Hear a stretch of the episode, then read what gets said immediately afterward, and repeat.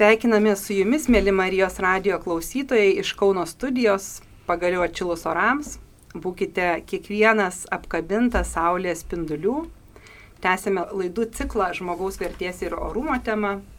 Šiandien paliesime sielovados bei socialinio darbo reikšmę, svarbą ir aktualiją šios dienos, bei kokios programos ugdo tokius specialistus.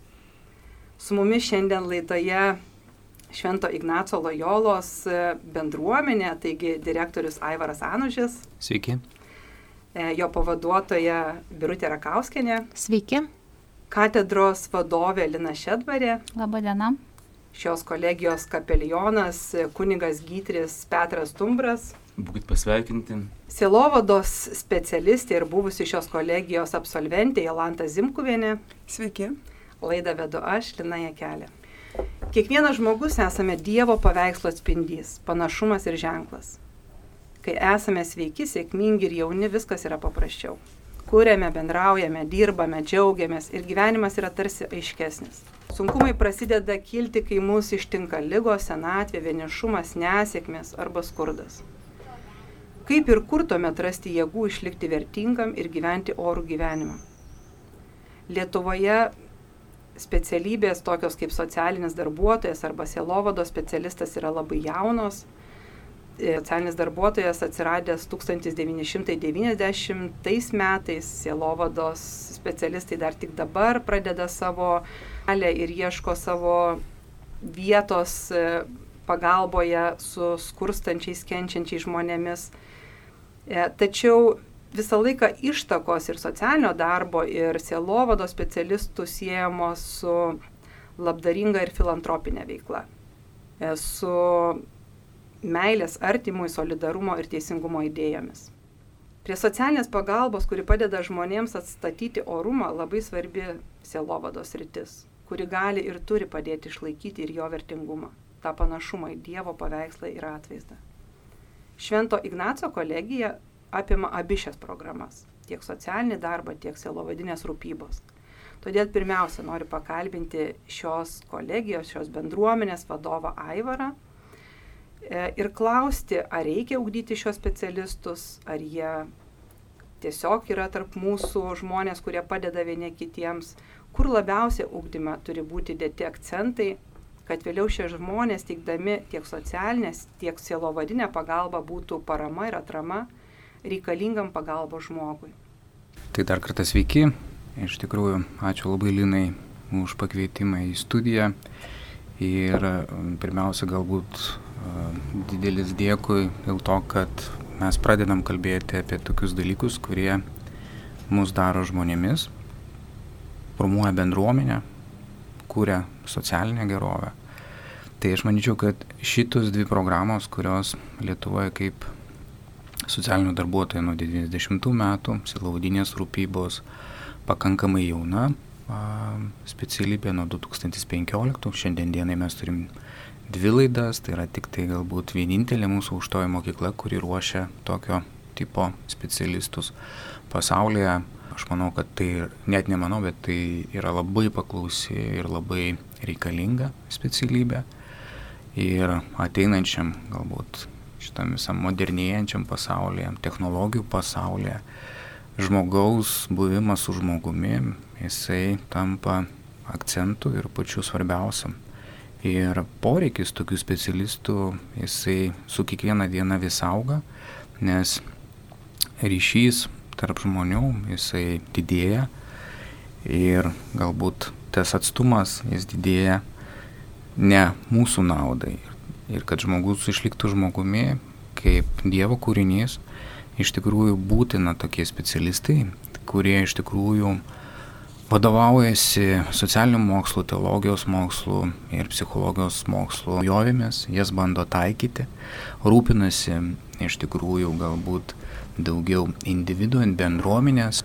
Žiūrint iš kitų perspektyvų, aš manyčiau, kad visavertis žmogus jisai turi būti formuojamas nuo pat mažumės. Ir va tas bendravimas, tas atskirties mažymas, tų įtampų, sakykime, ir šiandieninė situacija rodo, kad tokio specialisto pagalba jinai yra būtina, niekas savaime nesidaro, atrodo, kad viskas savaime turėtų atsitikti ir tai nekontroliuojama, bet, kaip aš sakau, tam, kad išliktume žmonėmis ir tam, kad vienas kitą mylėtume kaip Dievo kūrinį, kad gerbtume žmogaus orumą ir patį žmogiškumą, pačią gyvybę mums yra būtina. Ir aš tikrai labai džiaugiuosi, kad šitoje įstaigoje mes ruošiam tokius specialistus ir tokia nuostabi komanda pas mus yra, kuri tiki savo darbu, kuri daro viską didesnė Dievo garbiai ir ateityje aš manau, kad pats poreikis ir, ir, ir, ir, ir tos dovanos, kurie, sakykime, dalinsis šitie specialistai, o čia mes turim studijoje ir mūsų absolventė Jolanta, kuri iš tikrųjų labai, e, manyčiau, ir realizuoja ir atranda save vis iš naujo, e, padėdama tiek savo, tiek kitiems žmonėms. Tai neuždarydama šito klausimo, galbūt perleisdama žodį kitiems savo kolegams ir bendruomenės nariams, ačiū, kad pakvietė Liną kalbėti apie mūsų ateitį, apie žmogaus gerovę ir apie pačią bendruomenę, jos veikatą. Ir tai turime daryti kiekvieną dieną, rūpintis kiekvienu iš mūsų. Tai ačiū už tas e, išsakytas mintis, už, tai, už tą akcentą, gal kad iš tikrųjų turim būti ūdomi nuo pat vaikystės ir tas vertybės dėkti nuo pat mažens, kad e, tas ūkdymo procesas būtų besitėsintis visą gyvenimą ir kai vieni yra silpnesni, kiti, kurie dar stipresni, galėtume pagelbėti šalia esančiams. Ir kolegija yra ta terpė, kur gal intensyviau ir labiau ūkdomi vieni ar kiti specialistai. Viktoris Franklis visuomet pabrėžia, kaip svarbu žmogui visuomet ieškoti, kam gyvename, tos prasmės. Nes tik tuomet ištversime bet kokį kaip. Žmogus, kuris patiria kančią, privalo žiūrėti ją kaip užduoti, visiškai unikalią užduoti. Net kentėdama žmogus turi įsisamoninti, esas vienintelis ir nepakartojamas visatoje su savo skausmu, kančia, viltimi ir džiaugsmu. Niekas negali jo pakeisti, niekas už jį net kenties jo kančios. Mes galime būti šalia ir padėti atrasti jėgų bei kančios prasme. Buvimas kartu parodytas pasitikėjimas ir meilė padeda šalia esančiam atsitiesti ir į gyvenimą pažvelgti iš naujos perspektyvos. Norėčiau kalbinti mūsų šitos kolegijos kapelioną, kuniga gyti, nes žmogus paliestas kančios, ar tai būtų fizinis skurdas, ar tai vienišumas, ar lyga, labai sunku ir turbūt sunkiausia padėti ir net kartais išbūti šalia. Ne visada turime asmenių savybių išbūti šalia kito kančios. Ar tai galime, o gal ir turėtume ugdyti, bet ar galime išmokti palydėti kitą kančios patirtyje? Kadangi esate kunigė gyti, Šventos Ignacijos kolegijos kapelionas, greičiausiai turite patirties savo kelyje, sutinkant kančios paženklintų žmonių gyvenimų kokia pagalba yra tikroji pagalba. Kad žmogus atrastų jėgų pažvelgti į gyvenimą iš naujos perspektyvos. Būkit pasveikinti dar kartą, garbėzui Kristui, tai tikrai labai malonu, kad mes kelti atvirus klausimus, kurie yra aktualūs būtent ir šiandienai, ir visam mūsų gyvenimui. Tai galbūt e, kalbėdamas pirmiausia apie kančią, norėčiau pakalbėti apskritai apie, kaip sakė va, direktorius Aivaras, mūsų bendruomenės vadovas, Pirmas mūsų pašaukimas yra būti žmogumi, su visais savo džiaugsmais, su visais savo vargais. Reikėtų visada atkreipdėmėsi į tai, už ką mes galime dėkoti Dievui, už ką atsiprašyti, bet kartu nepamiršti, jog mus persiekė, nu, plačiaja prasme persiekė kančios momentai. Tai turime to dalyko neišsigasti. Pats Dievas, kurį mes matome visada ant kryžiaus, žinome, kad nebuvo abejingas kančiai. Vadinasi, žmogus irgi yra pašauktas būti neabejingu, o kaip tik atliepti žmogaus orumo poreikius. Nesvarbu, ar tai džiaugsmas ar, ar skausmas, bet vis dėlto turi būti orumo poreikis atlieptas.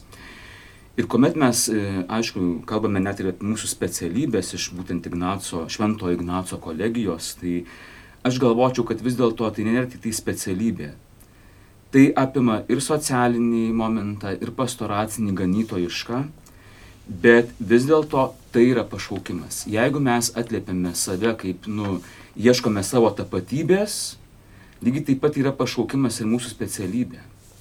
Jeigu mes žvelgsime į tik tai kaip profesinį dalyką, tai nieko nebus. Turi būti vis dėlto dvasinė dimensija. Dėl to mes ir esame Švento Ignaco kolegija, kur tikrai jo maldos remiami, ruošiame savo specialistus, bet kartu su pašaukimu, su tikruo pašaukimu. Kas liečia kančią, taip, tikrai tos kančios e, patir, patirčių labai daug. Devini metai, beveik devini metai Kauno e, klinikose su ligoniais, su mirštančiais, su vaikais, sergančiais onkologijos lygomis. Vis dėlto patirtis yra, kuomet kviesdavo iš parapijos e, pas ligonius arba patirtis, kuomet kviesdavo net ir į tam tikras nu, pensionatus arba nu, slaugos namus, vat, kad ir Lina Jekelė vis dabar nepakviesdavo į savo, jeigu reikėdavo paramos, kunigiškos paramos. Tai tas susidūrimas su kančia jisai nėra paprastas, bet visada man yra gražu, kad aš galiu su tais besikenčiančiais kartu melstis. Tai man yra pagrindas ateiti ir matyti žmogaus netgi, kuomet tu pats esi be vilties atrodo, o tie sergantieji tau vilties suteikia. Tai kančia be vilties yra neatsiejami dalykai, nes jeigu tikinti žmogus yra, tai jisai visada turės ir tam tikrą viltį, tam tikrą paramą ir tam tikrą pasidalinimą savo kančia. Žinoma, nėra paprasta, yra mūsų gyvenimo užduotis, vis dėlto mes esame, nu, kaip pasakyti, netriboti nuo, nuo, nuo tam tikrų patirčių, nes mes, kur žmogus ten patirtis, kur žmogus ten veiksmas, kur žmogus ten džiaugsmas, kur žmogus ten kančia, bet jeigu visame tame mes įsileidžiame patį Dievą, tada kančia tikrai gauna prasme, kai sako Viktor Franklis, kančia turi savo prasme. Jeigu mes nerandame prasmės, mes esame visuomet kviečiami e, kelti klausimus.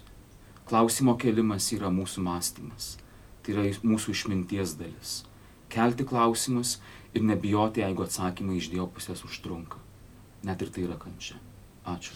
Labai ignaciška kelti klausimus, kai sako, jezuitas ateini pas jezuitą e, paklausti, tai jis laiką tau atsakys irgi klausimų. Tai, tai taip, ir tada tos programos ugdo mūsų e, gebėjimą kelti klausimus, nes kol žmogus pats neišsikelia savo klausimų, kol pats neieško atsakymų, tol iš tikrųjų jokie atsakymai jam nebus jo, kai jam duoda kažkas patarimus. Tai čia irgi svarbus akcentas turbūt šios kolegijos ugdymo procese mokintis kelti klausimus. Man labai patiko mintis, kad tos dvi specialybės turi turėti ne tik tai tą pedagoginį aspektą, bet ir misijos, kad mes turim atrasti savo pašaukimą. E, tai ir kad tame pašaukime mes turime išmokti paremti silpnesnį. Ir tame labai svarbi viltis. Tai ačiū už tos tokius tikrai gražius štrichus sudėliotus sielovados kelyje, programoje ir mūsų bendruomenės ugdyme.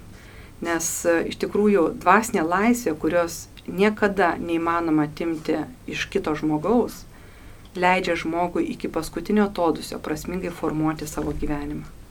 Svarbu suprasti, kad prasmingas ne vien veiklus gyvenimas, arba gyvenimas turintis tik tam tikrus kriterijus. Taip pat remiuosi Frankliu, kuris koncentracijos stovykloje išgyvenę savo tikrai jaunystės metą, sako, kad jei gyvenimas apskritai turi prasme, prasme privalo turėti ir kančia. Kančia irgi yra gyvenimo dalis, kaip likimas ir mirtis. Tik kančia ir mirtis paverčia žmogaus būti visuma. Tai tas ir tas klausimas, ir, arba akcentas, ir, ir Aivaro, ir gyti tavo prieštas, kad pirmiausia turime būti ir išmokti būti žmogumi, bet žmogumi pilnu, toj visumoj. Jolanta, esi pabaigus Švento Ignaco kolegiją, Iš tikrųjų atlikus nemažai praktikos Kauno slaugos ligoninėje, dabar jau besidarbuoji Trakų ligoninėje, dvasinė asistentė, su šia ligoninė kolegija taip pat turi pasirašius bendradarbiavimo sutartį ir labai gražiai draugauja. Kiekviena diena yra tavo darbo iš tikrųjų paženklinta dabar kančios patirtimi. Noriu tavęs paklausti kelių dalykų.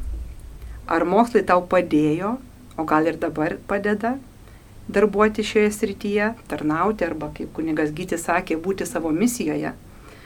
Ir kokią svarbą matai šio kelio šalia silpno ir kenčiančio žmogaus.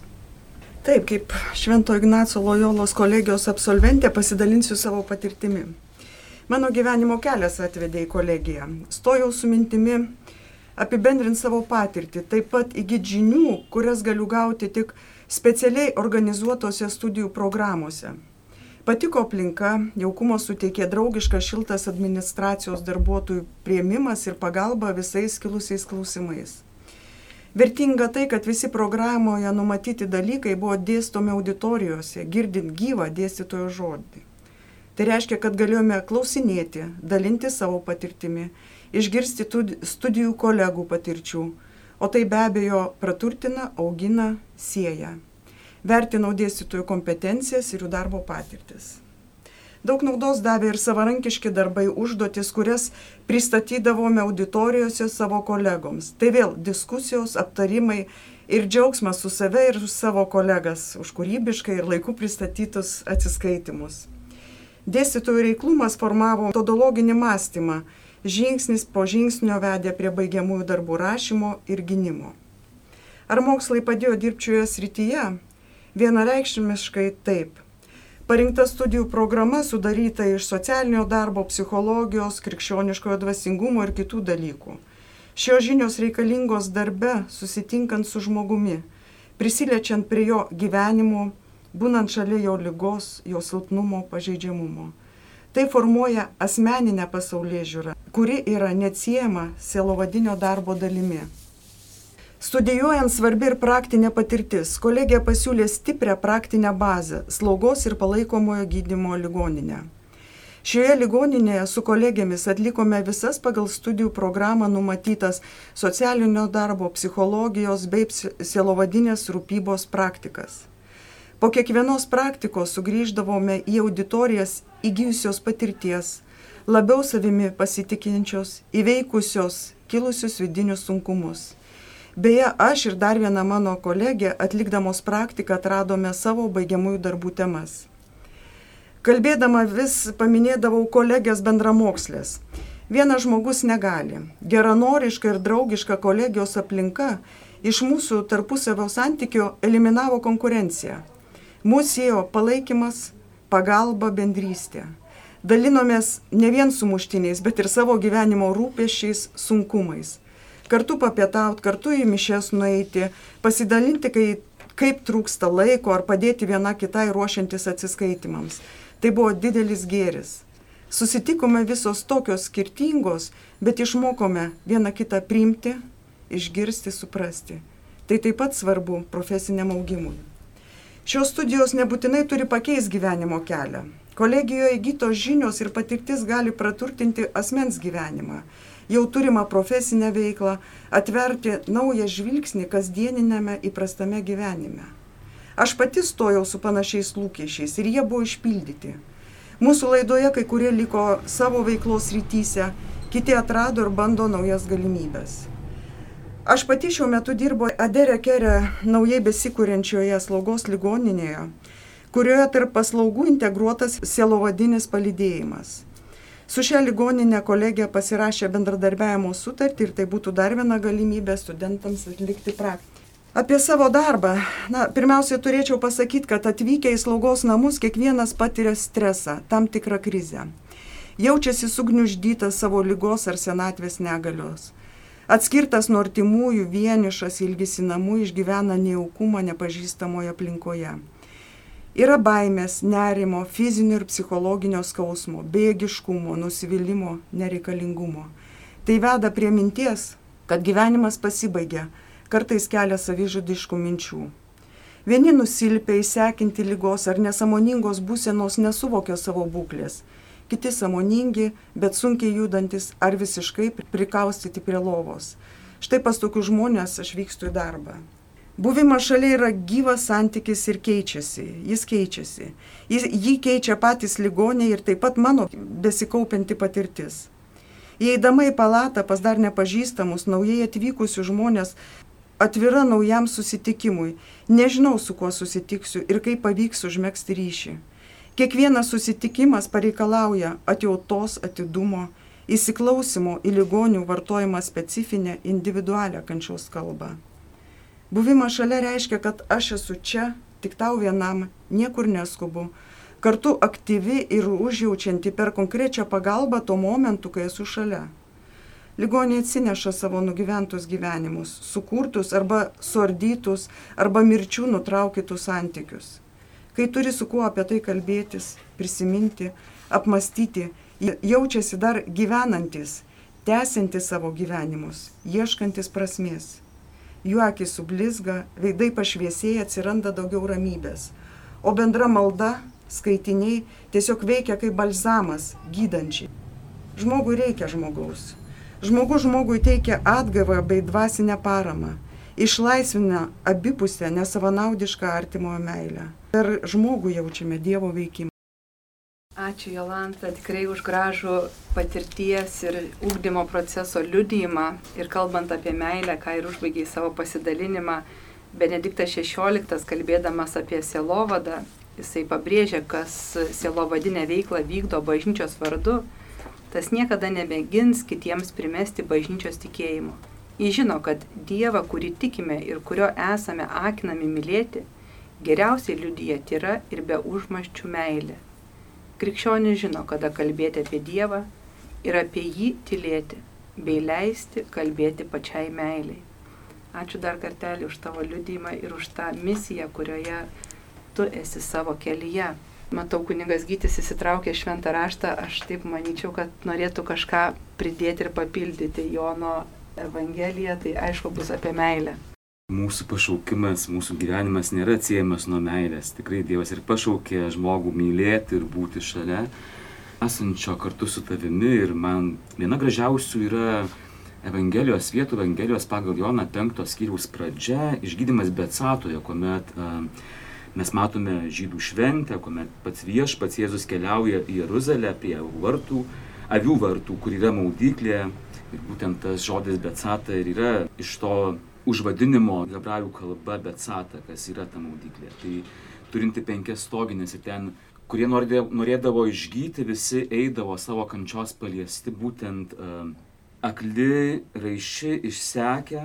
Ir tarp tų žmonių buvo vienas sergantis žmogus aštuoneris metus. Ir kuomet viešpats pamato tą gulintį žmogų ir sužino jį labai seniai sergant, paklausė pagrindinio klausimo, ar norėtum pasveikti kas nenorėtų pasveikti. Ir tada ligonis atsako, viešpatie, aš neturiu žmogaus, kuris vandeniui sujudėjus mane įkeltų į tvenkinį. Aš neturiu žmogaus. Vadinasi, mūsų kaip bendruomenės pašaukimas būti šalia vienas kito ar turėti žmogų, kuris sujudėjus tam tikroms aplinkybėms mus kažkas paskatintų ir keltų. Ir ugdyti kitus žmonės, kad būtų tie žmonės, kaip ir socialiniai darbuotojai, ugdyti, kad būtų tie žmonės, kurie galėtų padėti kelti, sveikti kitam. Taip, mes esame ruošiami būtent ir administracija, ir mūsų visi studentai. Tai tikrai viešpatė aš neturiu žmogus, bet mes turime žmogų. Turim savo kolegiją kaip žmogų, kaip personą. Tai tikrai nu, nuostabus dalykas yra. Ačiū, kunigai. Tai gal norėčiau pakalbinti ir šios mūsų bendruomenės administracija, kad tokius kelius akcentus gal norėčiau išgirsti ir kad pasidalintumėte, tai kaip tą socialinio darbo programos ir selovadinės rūpybos programų e, integravimą padėti suvesti į gyvenimą, jų svarbą, o gal būtinybę mūsų visuomenėje? Ir galbūt pakalbėti apie tos konkrečius dalykus, kaip galima ateiti studijuoti. Ignaco kolegiją, gal Linutė papasakotų. Gal pirmiausia, Birutė noriu pakalbinti apie tą integraciją mūsų studentų, šitų specialybių į visuomenės gyvenimą, kaip kunigas Gytis sakė, kad, nu, kaip mes būtume tai žmonėmis, kurie pagelbėtų kitam sveikti, pasveikti, gyventi. E, sunkus klausimas, manau, galbūt tokio atsakymo, kaip tai padaryti ir nepateikčiau, tačiau kas yra svarbu ir kas man pačiai kaip tos bendruomenės atstoviai svarbu. Mes kaip ir daugelį galbūt aukštųjų mokyklų pradėjom studijas ir vykdėm ne vieną studijų programą, tačiau, kaip jau ir minėjo Dovas Aivaras, kad startavom visgi nuo socialinio darbo studijų programos. Ir tik vėliau galbūt patys pamatę tos poreikius ir galimybę šalia socialinių darbuotojų renkti specialistus, e, tokius kaip silovdas rūpybos darbuotojai, tai e, tą poreikį ir bandėme visais būdais e, formalizuoti ir parengėm e, studijų programą. Trijų metų kvietėm ne vieną specialistą susipažinti ir įvertinti, ar jis galėtų įsitraukti į tos programos įgyvendinimą. Tai žinoma, turbūt daugelis man pritartų, kad šių specialybių viena iš misijų, misijų yra padėti žmogų, žmogui ir inicijuoti jo gyvenime galbūt saugios dvasinės ir socialinės aplinkos plėtotę, kad asmuo stengtųsi ne tik socialiai sustiprėti, tačiau ir pajustų, kad dvasinė stiprybė, dvasinė sauga bei dvasinė aplinka mus kaip asmenys taip pat augina ir daugybę dalykų gyvenime galbūt šitos dvi dimensijos sprendžia kitaip, kai jos eina kartu, bendradarbiaujant. Todėl e, matydami būtent socialinio darbuotojo ir socialinės silovadinės rūpybos specialistų poreikį bei galimybę tokius specialistus renkti, siekiame ir toliau plėtoti jų bendradarbiavimą ir studijų procese, bei e, baigiant studijas galbūt formuoti komandinio darbo patirtį institucijose, kuriuose jie įsidarbina. Vėliau galbūt e, kai kas nusprendžia ir tęsti studijas gilintis labiau į, į selovadą, į, į religiją, į tikėjimą. Tai būtų tiek. Ačiū Birutė už tą jo bandymą išvelgti, kaip sakai, nėra lengvų atsakymų, bet mes jų vis tiek turime ieškoti, apie tai kalbėtis ir diskutuoti. Jeigu tu noras kažkam iš tikrųjų šitoje mūsų bendruomenėje ieškoti tų atsakymų ir kelių, tai gal Lintė pristatysi tą kelią, kaip būtų galima ateiti ir studijuoti ir būti mūsų bendruomenės dalimi. Tikrai taip. Tai kviečiu jungtis į kolegijos bendruomenę būtent studijuojant celovadinės rūpybos ir socialinio darbo studijų programas. Šiuo metu kaip tik ir vyksta prieimimas į šias programas, tai yra prašymų priimti studijuoti registravimas per LAMA BPO, tai yra Lietuvos aukštųjų mokyklų asociacija bendrajam prieimimui organizuoti sistemą. Būtent tinklapyje www.lamabpo.lt prašymus galite teikti iki rūpjūčio 5 dienos. Šiuo metu iki rūpjūčio 5 dienos galite aktyviai registruotis ir nurodant mūsų studijų programas. Tokiu būdu galite konsultuoti su kolegijos darbuotojais elektroniniu paštu, telefonu arba atvykstant į kolegiją. Realinio darbo ir silovadinės rūpybos studijų programos yra inovatyvios studijų programos susijančios socialinių mokslų, katalikų teologijos, psichologijos mokslo pasiekimus. Studijų metu įgyti gebėjimai ir žinios iš tiesų įgalina suprasti įvairaus amžiaus asmenis išgyvenančius dvasinę krizę ar įvairius egzistencinius sunkumus, bei leidžia jiems iš tiesų profesionaliai padėti šių studijų programų studentai nemažai laiko skiria dvasiniam formavimui, savanorystiai, praktikoms. Na ir šie momentai tampa tiesiog vedliu tiek studentams tęsti savo studijos universitetuose ir tiek dirbantiems tobulėti. Na, o kolegijoje dėsto dėstytojai ir teologai filosofai, kurie e, savo žinias ir patirtį iš tiesų perteikia labai praktiškai ir paprastai. Šios e, programos yra nuolat atnaujinamos atliepiant dirbančių šioje srityje ir taip pat studijuojančių poreikius. Ačiū Linutė už pristatytą kelią, kaip čia papulti. Dar noriu paminėti, kad kolegija yra įsikūrus nuostabiame senamešio kemelėje netoli švenčiausio sakramento adoracija nuolatinės, tikrai kur daug malonės, jaukumo ir, ir to bendruomeniškumo.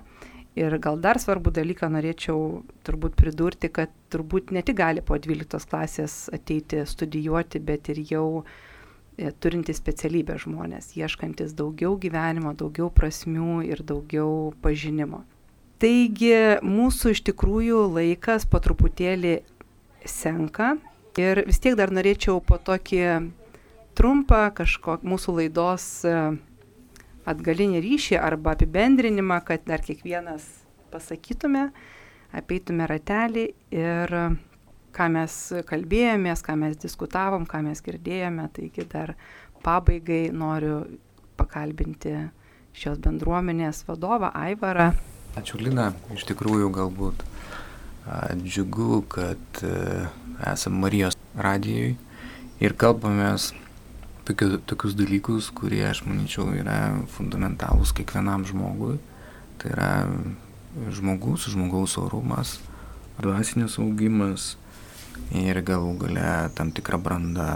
Tai yra, kur mokomės mylėti, dalintis vienas su kitu, išgyventi ir tas gyvenimas atrodo, kol nėra rūpešių, labai gražus, bet kiekviena diena jinai turi labai begalę daug spalvų ir mes čia tikrai girdėjom tiek mūsų absolventės, vat, kuri turi praktiką ir dirba na, tam tikrus išgyvenimus, juk tu kiekvieną dieną ateini, susitinki su rūpešiu, su problema, su skausmu ir kaip tą skausmą išgyveni, kaip tu jį priemi, galų gale, kaip kitą dieną vėl ateini šipsais ir vėl sprendi, sakykime, tai yra labai didelis darbas ne tik tai su tuo kitu žmogumi, ne su ta bendruomenė, bet ir su pačiu savimi.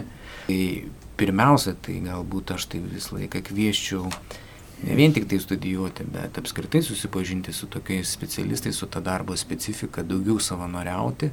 Ta prasme, tokiu būdu mes iš principo, ta prasme, kūrėme patys save, tampame atviresni, galvojame plačiau ir susidurdami su tam tikrom kritiniam situacijom, sunkiomis situacijom, gyvenimiškom, kas neišvengiama, mes paprasčiausiai tiesiai galim žiūrėti, tiesiai, sakykime, į save veidrodyje ir šypsotis, tai yra, tarsi, šypsena Dievui džiaugsmas tuo gyvenimu ir kas be nutiktų dalintis. Ir gal, galbūt tada ta mūsų bendruomenė, sakykime, šalia esantis žmogus, kuris e, tiki gėriu, tiki, sakykime, pagalba, parama, jisai tvirčiau jaučiasi, jisai galų gale tampa stipresnis ir iš principo ta tokia, manau, pagrindinis momentas žmogui vyksta, tai yra nusiramina, nusiramina, o kai nusiramina, gali mylėti, gali džiaugtis. Tai va aš linkiu visiems, kaip pasakau, būti sveikiems tiek fiziškai, tiek dvasiškai. Tai man labai džiugu dar kartą matyti čia tiek protingų ir daug patirties turinčių žmonių. Ačiū dar kartą. Ačiū, kunigė gyti. Aš tai dėkoju Dievui pirmiausia už tą mūsų nu, tokį akademinį laiką. Jeigu talpinti 45 minutės, tai ten truputėlį daugiau, nesvarbu, vis tiek pas Dievą yra amžinybė. Tai Man šitas va, laikas arba šita valanda tai buvo tiesiog kaip antropologija, mokslas apie žmogų, nes vis dėlto klausai įvairių patirčių ir pasidalinimų ir svarstom ten tas, nu, tokias aptariam temas, kurios galbūt nėra patogios, nėra paprastos, bet kartu prieina prie savo pašaukimo, tai tikrai visiems labai dėkoju ir aš galvoju, tokius pokalbius reikėtų pratesti ne tik tai iš studijos, bet kartas nuo karto ar savo aplinkoje, kad tiesiog šalia esantį išstudijuoti gerąją prasme. Ačiū labai. Gera idėja, kolegijos bendruomenėje tęsim tokius teminius sustikimus ir diskutuosim toliau antropologiniais klausimais. Taip, kad dar viena inovatyvi idėja laukia kolegijoje. Jolanta. Taip, mes, mes visi turime to gailėšio, meilės, užuojautos ir, ir man atrodo tikrai mums labai gaila to kenčiančio žmogaus Tačiau studijos padeda per protą, intelektą suprasti, ką reiškia atjauta ir kaip būti kito kančioje.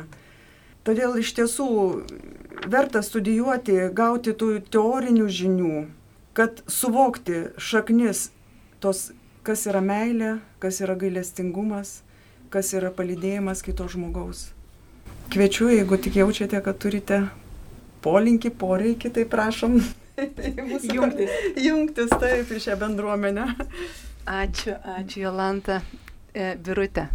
Dar kartą taip pat visiems dėkoju, kad keliam klausimus, kad diskutuojame. O man tikriausia svarbu šitoj vietoj ir savo, ir, ir garsiai pasakyti, e, mes kaip institucija vylėmės, kad ir socialiniai darbuotojai, ir silovadas rūpybos rengiami specialistai bus palydėtojai, kurie tikrai pagelbės atrasti savo kelyje viešpatės malonę, viešpatės paguodą ir visus džiaugsmus, kuriuos Dievas kiekvienam iš mūsų yra parengęs ir tik laukia, kada jūs ar pats, ar su pagalba mūsų rengiamų specialistų atrasite tą kelią ir pakelsite akis į viršų. Ačiū. Ačiū, Virutė. Lina. Tai dėkoju už pasidalintas patirtis, geras laikas kartu ir tiesiog dar kartą kviečiu jungtis į mūsų bendruomenę studijuojant mūsų programas, tai yra selovadinė rūpyba ir socialinis darbas. Ačiū tikrai visiems ir kiekvienam.